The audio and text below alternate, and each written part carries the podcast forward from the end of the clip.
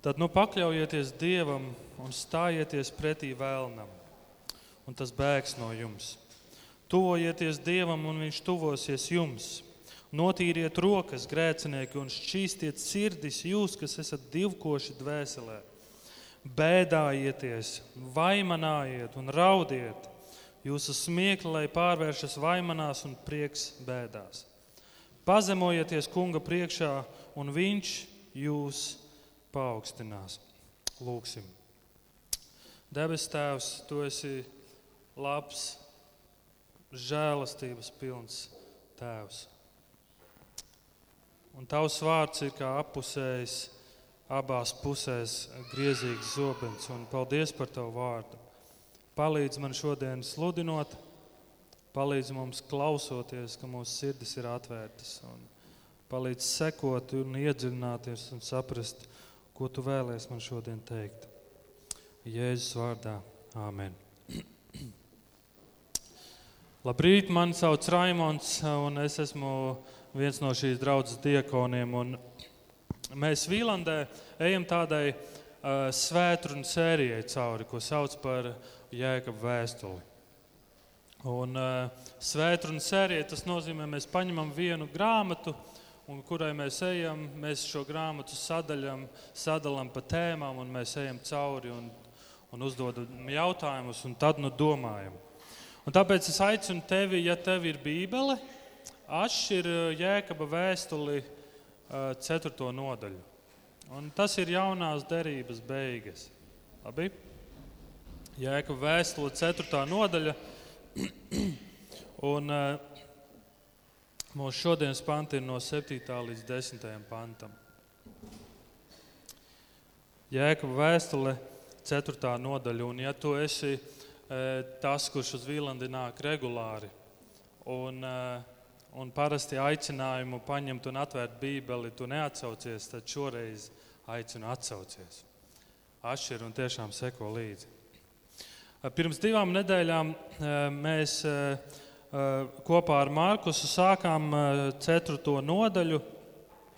Un Markus sāk ar ļoti labu jautājumu. Šis jautājums joprojām man ir tāds tā kā mani kustina un liek domāt un izaicina. Un viņš sāk ar jautājumu, mēģināšu precīzi pateikt, ko tu vēlēsi vairāk? Dievu vai to, ko Dievs spēj tev dot? Ko tu vēlēsi vairāk? Pašu Dievu vai tās lietas, tās svētības, ko Dievs tev spēj, tev spēj dot? Un man liekas, šis ir tik, tik svarīgs jautājums pie kā jāapstājas un jāpārdomā un jāuzdod sev, sev svarīgi jautājumi. Atcerieties, kad viņš sāka ceturto pāntu, viņš ļoti labi izgāja cauri un izskaidroja, un mēs redzam, ka, ka tur ir runa par karu. Ja pirmā līdz trešajai nodaļai, ja jūs lasītu, jūs pamanītu, jēkaba valoda ir tāda, tāda mīļa, mīļie brāļi, un viņš dod labus uh, uh, padomus, un viņš aicina, un viņš dod kādus testus, un, lai mēs pārbaudām, vai mūsu ticība ir īsta vai, vai nē. Un tā viņa leksika ir tāda brāļi, mīļie brāļi, brāļi, un bums. Un ceturtā nodaļa, un tā leksika mazliet mainās. Tāda sajūta, ka jēkabs kļūst tāds stingrāks. Jēkabs maina savu valodu. Un viņa leksika ir tāda militāra, kara leksika. Tāpēc, kad viņš apzinās šo nopietnību, ka tas ir karš, viņš saka, no kurienes ir kari cīņas jūsos. Un tad mēs runājam, ka kari, kas notiek, sākas ar to, ka karš sākas. Tā, tas karš ārpusē ir dēļ tā, ka karš ir iekšpusē, karš ir manī. Tie, kas no jums, jūs, jums bijāt, es ceru, jūs atcerieties. Un tad, kad Markus par to runāja, man uzreiz bija tāda sajūta, ka man par roku tanks brauc vai tanciņi un šaudās viens uz otru. Un, labi, es, es tā iedomājos, varbūt liekas joks. Bet iekšēji mums ir karš. Mēs iekārojam. Mēs gribam kaut ko dabūt, bet mēs nedabūjam. Mēs cīnāmies viens ar otru. Mēs skaužam, mēs darām visādas lietas. draudzība ar pasauli. Ko tu gribi vairāk? Pašu Dievu vai lietas, ko Dievs spēj dot? Un kā izskatās draudzība ar Dievu? Kā, kā izskatītos tava dzīve, ja tavas intereses būtu tās pašas, kas Dievam? Tavi hobiji būtu tādi paši kā Dievam. Kā mainītos tava dzīve? Un tad Markus nobeidz ar sesto pantu. Bet viņš grib dot vairāk žēlastības. Kas tas ir viņš? Dievs mums grib dot vēl vairāk žēlastības. Šis vārds žēlastība tev varētu likties mazliet svešs vai īsti neizprotams.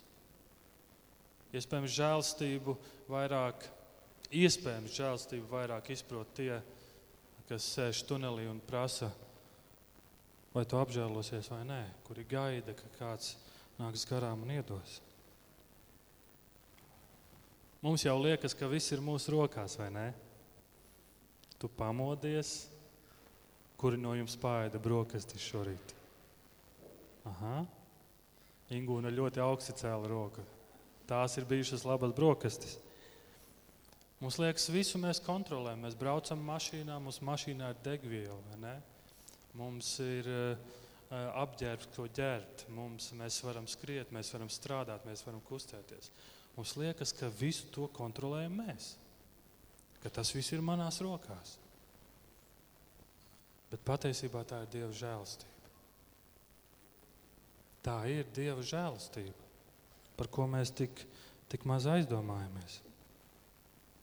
Un Dievs grib dot vēl vairāk žēlastības.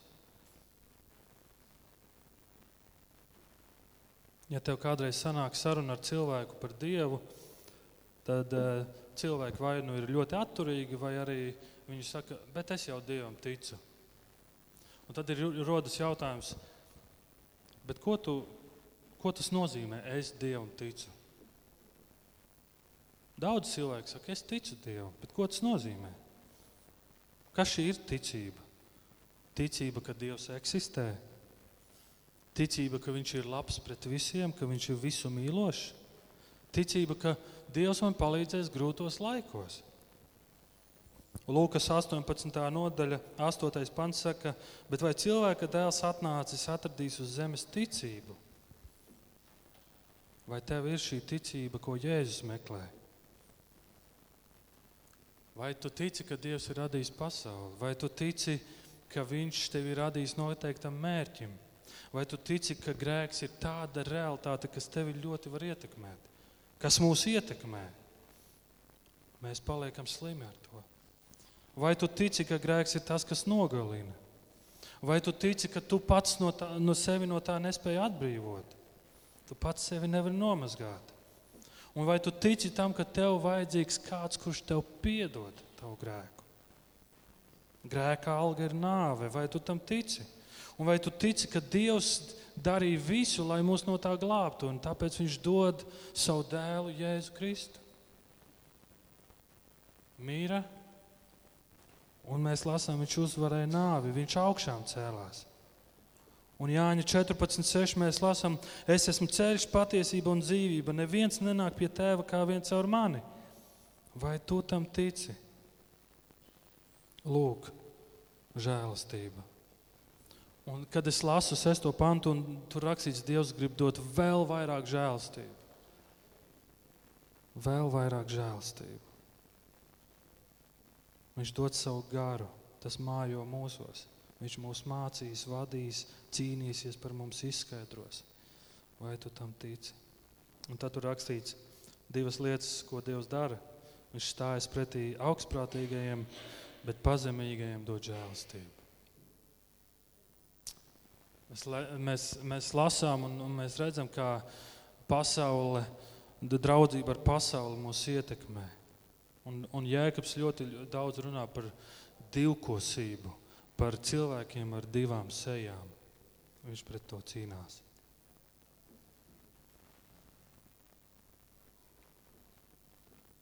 Un tāpēc septītais pants sākas ar, ar vārdiem: tad nu, tad nu, Tāpēc dariet kaut ko.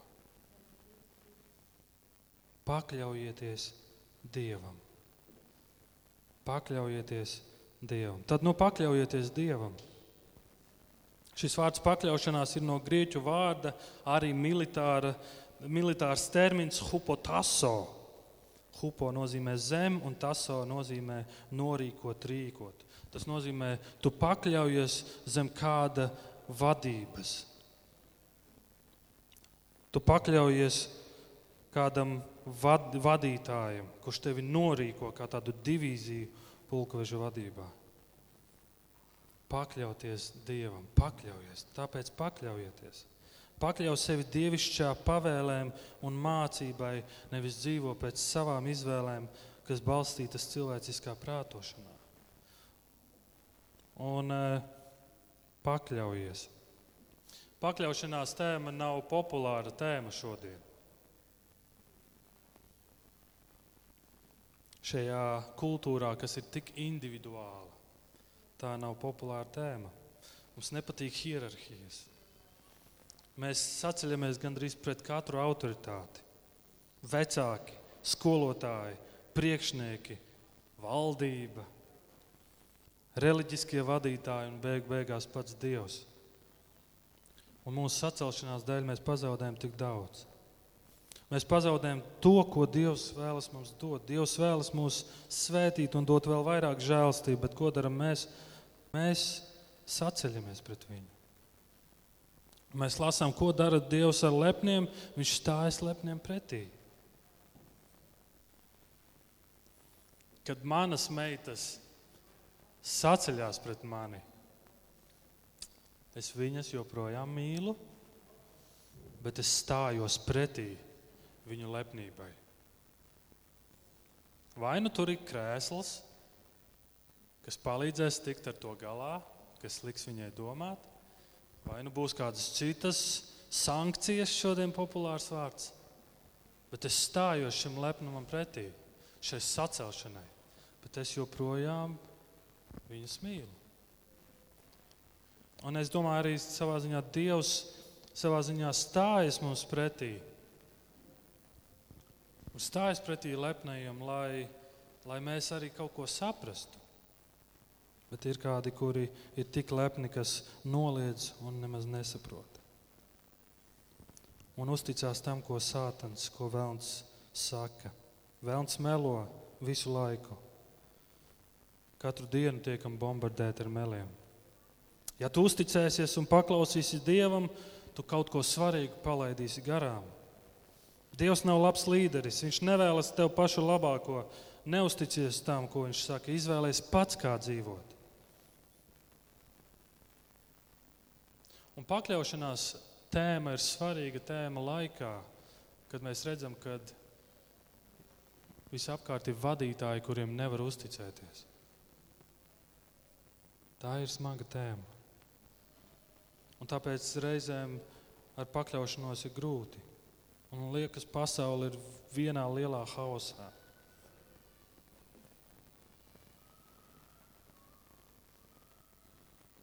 Bet neskatoties uz visu to, ir svarīgs jautājums, kam tu pakļausies. Mums patīk domāt, ja mans boss būtu perfekts, tad es viņam labprāt pakļautos un paklausītu. Un tā mēs visu mūžu gaidām perfektu priekšnieku. Vai ja mani vecāki būtu perfekti, tad es viņus cienītu. Ne? Un tā mēs palaidām garām skaisto dievu apsolījumu un svētības. Un pat mūsu Dievs, kurš ir perfekts, mēs pret viņu saceļamies. Kaut kas īsti nav kārtībā. Varbūt problēma ir mūsos. Grēks ir sacelšanās pret Dievu. Tāpēc pakļaušanās jautājums vairāk ir sirds stāvokļa jautājums nekā vadības jautājums. Pakļaušanās jautājums ir vairāk sirds stāvokļa jautājums nekā vadības, vadīšanas jautājums. Tas ir lepnuma un pazemības jautājums. Mēs paši vēlamies būt dievi, mēs paši vēlamies izlemt, kas ir labs un kas nē. Skan pazīstami vai nē, Ādams un Ieva. Bet daudzi panti Bībelē runā par pakļaušanos. Ebrejiem 13.7. Paļaujieties uz saviem vadītājiem un paklausiet tos. Viņi ir nomodā par jūsu dvēselēm, un viņiem būs jādod par tām norēķins. 1. pētera 2, 13 līdz 14. Pakļaujieties kunga dēļ ikvienai cilvēku vidū iedibinātai varai. Vai tas būtu ķēniņš, kas ir pār visiem, vai valdītāji, kas caur viņu sūtīti, lai tie ļaundaris sodītu un tos, kas labu darījuši, uzslavētu. Pakļaujieties!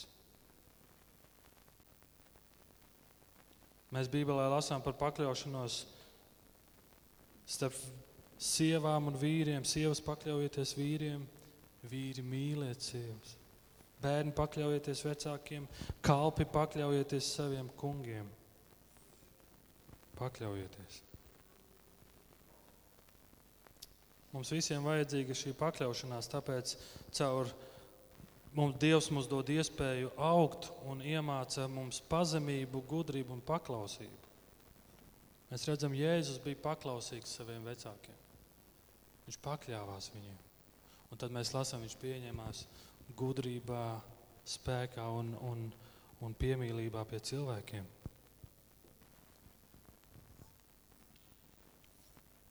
Mūsu šodienas panti varētu teikt, Jēkabs dod tādu kā risinājumu tam, ko mēs runājām pirms divām nedēļām par šo draudzību ar, ar pasauli, par šo karu, kas notiek. Un varētu teikt, šajos pantos Jēkabs dod tādu risinājumu. Viņš saka, pakļaujieties Dievam, stājieties pretī vēlnam, tuvojies Dievam un pazemojies. Pakļaujies Dievam, stājies pretī vēlnam, tuvojies Dievam un pazemojies. Un septītais pants, ko mēs jau lasījām, tad nu pakļaujieties Dievam un stājieties pretī vēlnam. Un tas bēgs no jums. Stājieties pretī vēlnam. Sātans melo, viņš ir melu tēvs. Jāņa 8,44. Sātans prātu padara aklu. 2. korintiešiem 4.4. Sātans stērpjas gaismas un taisnības tērpā. Viņš dara zīmes un brīnumus. Sātans kārdina cilvēkus grēkot. Sātans izrauj dievu vārdu no cilvēku sirdīm un zog ticību. Marka 4.1 līdz 9. Sātans var izraisīt slimības. Viņš ir slepkava. Sātans apsūdz kristiešus dieva priekšā. Sātans izraisa karus. Kā mēs varam stāties pretī? Mēs varam stāties pretī, ja mēs tuvojamies kādam, no kā sātans bēg. Mēs varam sātanam stāties pretī, ja mēs tuvojamies kādam, no kā sātans bēg. Kad Jēzus staigā pa zemes virsmu, jūs atcerieties, kas notika, kad viņš sastapa kādu, kurš ir ļaunā gara apsēsts. Kāda bija reakcija? Viņi brēca.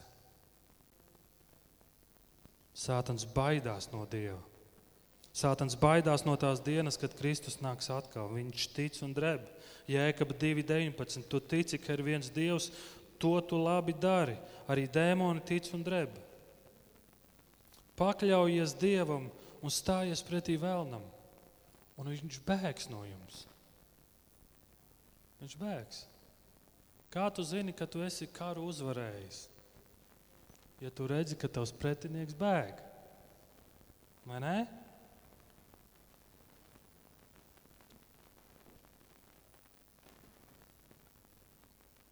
Interesanti ir, ka Pāvils vēstulē Efeziešiem 5. nodaļas beigās un 6. nodaļas sākums runā par pakļaušanos. Tieši tā, pakļaušanos. Un pēc tam viņš runā par 10. pantā, 6. nodaļā. Viņš saka šādus vārdus. Un beidzot, esiet stipri kungā un viņa spēka varenībā. Bruņojieties ar visiem dieva ieročiem, lai jūs varētu stāties pretī vēlna viltībām. Un viņš runā par šiem ieročiem. Bruņojies ar ieročiem, lai stātos pretī sātanam viņa viltībām. Ja tu domā, ka sātans ir nekaitīgs un nav vērā ņemams pretinieks, tad tu pārāk daudz esi dzirdējis pasakiņas par vēlniņiem. Sātans ir tāds, kurš schēmo jau daudzus gadus. Viņam ir schēmas, plāni, kā ietekmēt patiesību, kā izšaubīt patiesību, izšaubīt un mainīt taisnību.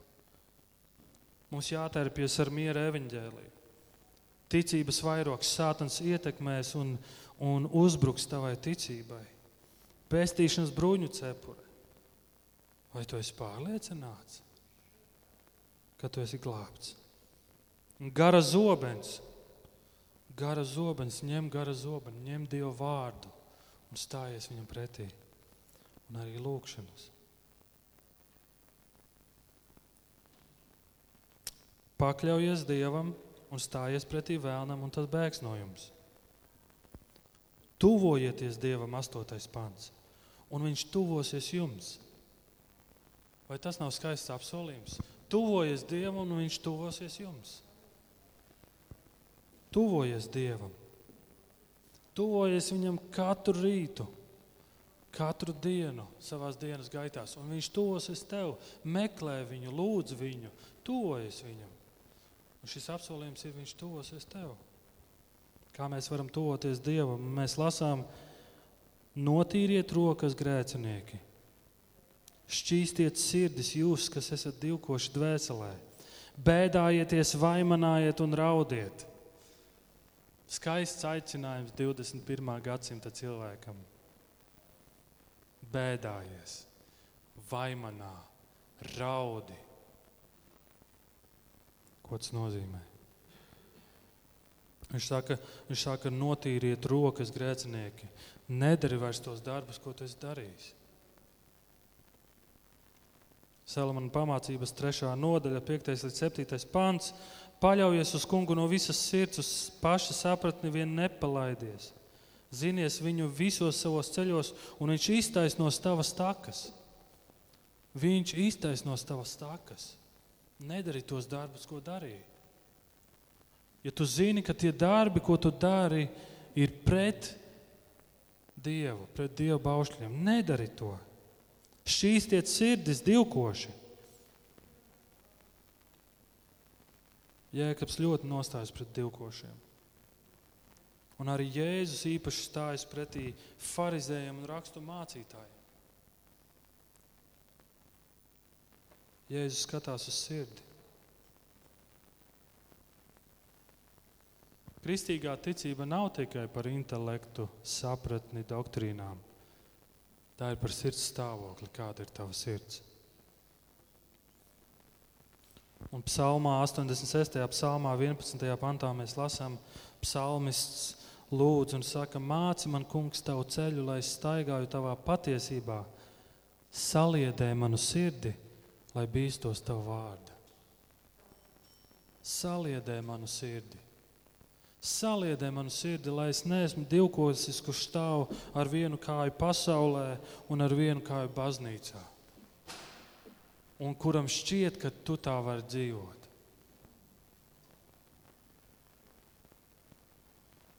Ja tas ir negodīgs darījums, tiec no tā vaļā. Ja tā ir kāda persona, kas tev liek grēkot, ilgi nedomā, pārtrauc šīs attiecības, maini darbu, pārvācies, lai nav ar to vispār darīšana. Ja tas ir kaut kas vizuāls un tev traucē noslēdz visu nost, pārdot televizoru, pārgriez interneta vadu. Ak, jā, šodien ir wireless. Lieto savu datoru tikai publiskā vidē, tīri savas rokas un šķīsti savu sirdi. Tu neesi upuris, tu vari iegūt uzvaru. Stājies pretī vēlnam. Dievs tev dod visu, lai tu varētu stāties pretī. Un, ja tu šajā brīdī iedomājies, jā, šī ir lieta, ko es vēl neesmu nokārtojis, Negaidi līdz nākamajai nedēļai. Nokārto to šodien. Bēdājies vaimanā un raudi. Nožēlo savu grēku. Lai tava nožēla ir patiesa, lai tās nav tikai krokodīla asariņas, bet nožēlo un atgriezies, bēdājies un raudi. Patiesa nožēla nāk tad, kad mēs ieraugam Kristu un to, ko Viņš ir ieraudzījis, darījis mani, manis dēļ. 2. korintiešiem 7. nodaļa, 10. līdz 11. pants. Jo bēdas, kas ir pēc dieva nolūka, ved uz atgriešanos un izglābšanos, ko nenožēlo, bet pasaulīgās bēdas ved nāvē. Bēdas, kas ir pēc dieva nolūka, ved uz atgriešanos un izglābšanos nožēlo, raudi, izsūdz, lūdz, bēdājies. Tiecies pēc prieka, ko Dievs tev var dot. Tu tagad domāsi, viss, ko kristieši dara, ir raud un bēdājas. Bet Dievs dod savu prieku, kā pasaule nevar dot, savu mieru, kā pasaule nevar dot. Tuvojieties Dievam, un Viņš tuvosies jums. Notīriet rokas, grēcinieki, un šķīstiet sirdis, jūs, kas esat divkoši dvēselē. Pārbaudi sevi. Kur esi tu? Tu esi divkosis. Bēdājieties, vaimanājiet un raudiet. Jūsu smieklē pārvēršas vaimanās un prieks bēdās. Un desmitais pants - pazemojieties kunga priekšā, un viņš jūs paaugstinās. Un tu redzi šī, šī tik labā lieta, pants, ko mēs tik bieži esam dzirdējuši, kad Dievs lepniem stājas pretī, bet pazemīgiem dod žēlstību. Dievs ir žēlīgs Dievs. Pazemojies. Pazemojies. Filipiešiem otrā nodaļa Sākšu no pirmā panta. Klausies uzmanīgi. Filipiešiem otrā nodaļa no pirmā panta līdz 11. varbūt. Kur vien ir kāda aizstāvība Kristū, iedrošinājums mīlestībā, kopība garā, ja ir kāda iejūtība un līdzjūtība, piepildiet manu prieku, būdami vienprātībā, kopīgā mīlestībā, vienoti dvēselē un domās. Neko nedariet sāncensības vai tukšas slavas dēļ, bet pazemībā vērtējiet cits citu augstāk par sevi. Rūpēdamies katru ne tikai par savu, katrs ne tikai par savu labumu, bet arī par cita labumu. Lai jūsos ir tādas pašas domas kā Kristu Jēzu, kas būdams Dieva veidā, neuzskatīja kā satveramu laupījumu būt vienādam ar Dievu, bet sevi iztukšoja, pieņēmis kalpa veidu un tapis pēc cilvēka līdzības un būdams tāds pats kā cilvēks, viņš pazemoja sevi, kļūdams paklausīgs līdz nāvei. Pāvils saka, skatieties uz Jēzu, mūsu labāko piemēru. Viņš kļuva pazemīgs. Viņš pazemoja sevi, kļūdams paklausīgs līdz nāvei, līdz pat krusta nāvei. Tādēļ arī Dievs viņu paaugstināja. Un ko mēs lasām šeit? Pazemojieties kunga priekšā, un viņš jūs paaugstinās.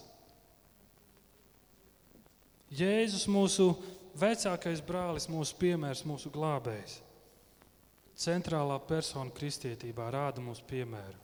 Viņš pazemoja sevi, kļūdams paklausīgs līdz nāvei. Pazemīgs cilvēks pakļaujas. Pazemīgs cilvēks hupotaso. Viņš pakļaujas. Bez pazemības tu nevari pakļauties. Pazemīgs cilvēks paklausa.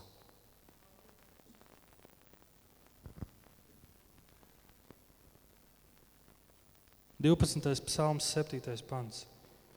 Tā kunga vārdi ir skaidri kā kausēts sudrabs, kas septiņkārt šķīstīts. Vai tu esi kādreiz uzdevis sev jautājumu, kāpēc Dievs izvēlējās ar mums komunicēt caur vārdiem?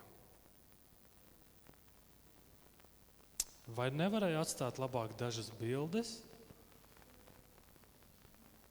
ko mēs varētu Instagramā paskatīties? Šķirsts, plūdi, jūra, pāršķelt uz pusēm.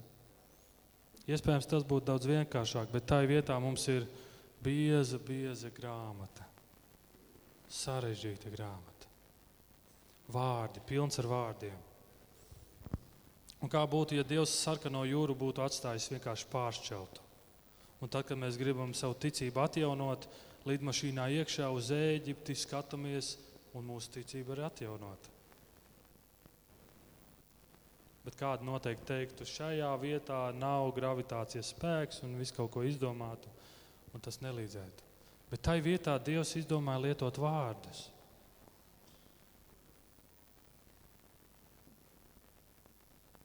Pieņemsim, ka Jēzus pavairoja zivis, dziedināja slimos, augšām cēlā cilvēkus, bet neko nebūtu teicis.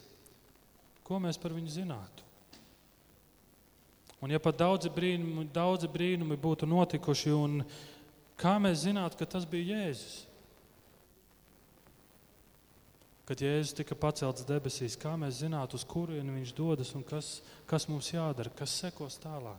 Un tāpēc Dievs lieto vārdus. Dievs ar mums komunicē caur vārdiem. Bet mums ir problēmas. Īpaši šodien. Pirmā ir Mums nepatīk lasīt. Paceliet rokas, kuram patīk lasīt. Mālači. Tātad dažiem no mums pirmā problēma mums nepatīk lasīt. Un tā nav tikai mūsu problēma, šī ir tāda paudzes problēma.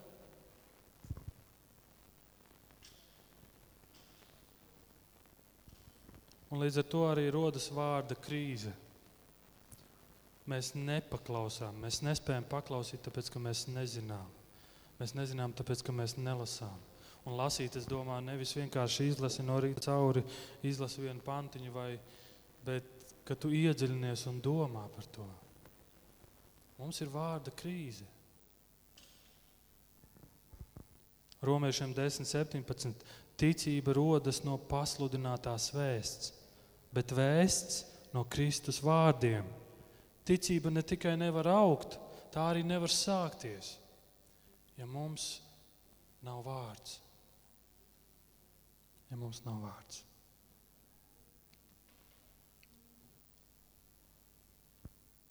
Jēkabs mums dod risinājumu. Pakļaujies, pakļaujies Dievam un stājies pretī vēlnam.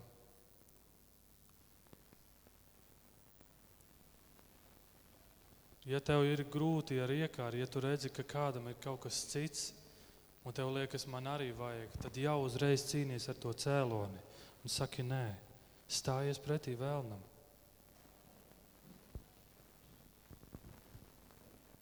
Tuvojies Dievam, un Viņš tuvosies tev. Tuvojies Dievam un pazemojies. Un kā nobeigumu es vēlos nolasīt no Bībeles 17 pantus. Tas būs nobeigums. Bet es lasīšu šos pantus, un es vēlos, lai tu aizver acis un vienkārši klausies. Tā būs augstā priestera lūkšana no Jāņa 17. nodaļas. Aizver acis un klausies. Bet tiešām koncentrējies un klausies. To pateicis, Jēzus pacēla acis uz debesīm un sacīja: Tēvs, Tā stunda ir pienākusi. Pagodini savu dēlu, lai dēls pagodinātu tevi, lai tāpat kā tu viņam devi varu pār visu miesu, viņš katram, ko tu viņam esi devis, dotu mūžīgo dzīvību. Bet mūžīgā dzīvība ir tā, ka tie pazīst tevi, vienīgo patieso Dievu un Jēzu Kristu, ko tu esi sūtījis. Es tevi esmu pagodinājis virs zemes novesdams galā darbu, ko tu man esi devis darīt. Un tagad, Tēvs, pagodini mani pie sevis paša ar to godību, kas man bija pie tevis pirms pasaule bija. Tavu vārdu es esmu atklājis tiem cilvēkiem, kurus no pasaules tu man devi. Tie bija tavi, un tu devi tos man. Un tavus vārdus tie ir turējuši. Tagad viņi ir atzinuši, ka viss, ko tu esi devis man, ir no tevis, ka esmu viņiem devis vārdus, kurus tu devi man. Un viņi ir saņēmuši tos un patiesi atzinuši, ka es esmu izgājis no tevis, un viņi tic, ka tu man esi sūtījis. Par viņiem es lūdzu. Es nelūdzu par pasauli, bet par tiem, kurus tu man esi devis, jo viņi ir tavi. Viss, kas ir mans, ir tavs, un tavs ir mans. Un es tiku pagodināts viņos. Es vairs neesmu pasaulē, bet viņi ir pasaulē, un es nāku pie tevis.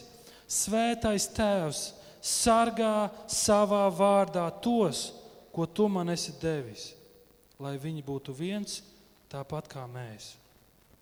Kad es ar viņiem biju pasaulē, es sargāju tavā vārdā tos, ko tu man biji devis. Es tos pasargāju, un neviens no viņiem nav pazudis kā vien pazušanas dēls, lai piepildītos raksti. Bet tagad es eju pie tevis, un šo visu es runāju pasaulē, lai viņiem būtu mans prieks, kas viņos piepildās. Es viņiem esmu devis tavus vārdus, bet pasaule viņus ir ienīdusi jo viņi nav no pasaules tāpat kā es neesmu no pasaules. Es nelūdzu, lai tu viņus paņemtu no pasaules, bet lai tu viņus sargātu no ļaunā. Viņi nav no pasaules tāpat kā es neesmu no pasaules. Dari viņus svētus patiesībā. Tavi vārdi ir patiesība. Debes Tēvs, mēs Tevi slavējam un pateicamies par Taviem vārdiem. Un es ļoti lūdzu, ka mēs, mums ir slāpes lasīt Tavu vārdu, ka mēs pazemojamies zem Tevis, zem Tavas varas, un ka mēs pazemojoties paklausam tam, ko Tavs vārds saka. Arī tad, kad tas šķiet neloģiski, nērti, nesvarīgi. Vai arī tad, kad es līdz galam nesaprotu, palīdz, ka es pakļaujos, pazemojos un paklausu. Dari mūs svētus savā vārdā, savā patiesībā. Tā mēs varam šķīstīt savas sirdis. Tā mēs topam tīri caur taviem vārdiem. Palīdzi man, šķīsti manu sirdi, mazgā manas rokas. Palīdz mums draudzē šķīsti mūs, vieno mūs un palīdz mums stāties pretī vēlna viltībām. Un palīdz mums palikt tavā vārdā, lai mēs varētu atšifrēt un zināt šīs viltības. Palīdz, ka mēs esam pilni ar tevi, ar tavu vārdu. Palīdz mums pastāvēt šajā karā. Sargā mūsu jēzu. Tu mūs sargā. Tā ir tava žēlastība, un par to mēs tevi slavējam. Āmen!